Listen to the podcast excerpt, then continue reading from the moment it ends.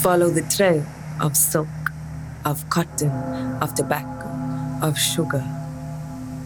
If we follow this trail, where does it lead? Alleen al dit stukje Utrecht wat we nu hebben gelopen, nou ik denk dat het nog geen 100 meter is, hebben we al een tijdreis van drie eeuwen gemaakt. Van de 17e naar de 18e en nu de 19e eeuw. Whose houses were built from the profits of sugar? Whose lives were enslaved for the profits of sugar? En ze probeerden eigenlijk in die koloniale vaart der volkeren mee te gaan.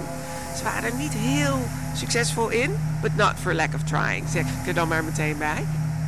Down the Vecht into the sea, follow this trail of white dust across the Atlantic to Demerara, Guyana.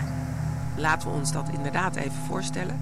En betekent dat dan ook dat ze andere mensen van kleur tegenkwam, bedienden met een Aziatische of Afrikaanse achtergrond?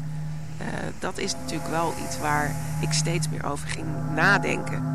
See the fields standing tall with sugarcane.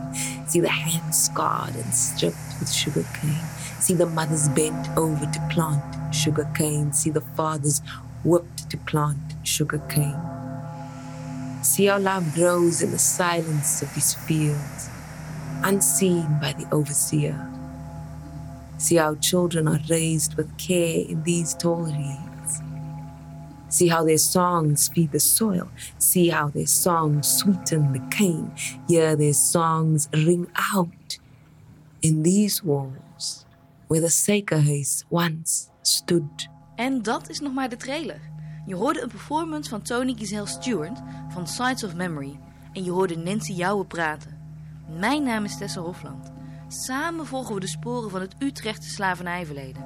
Waar die sporen ons heen leiden? Dat hoor je in de podcast Volg de Utrechtse sporen. Eind februari, een jaar na het Utrechtse excuses, is een dubbele eerste aflevering te horen. In aanloop naar 1 juli volgen meer afleveringen.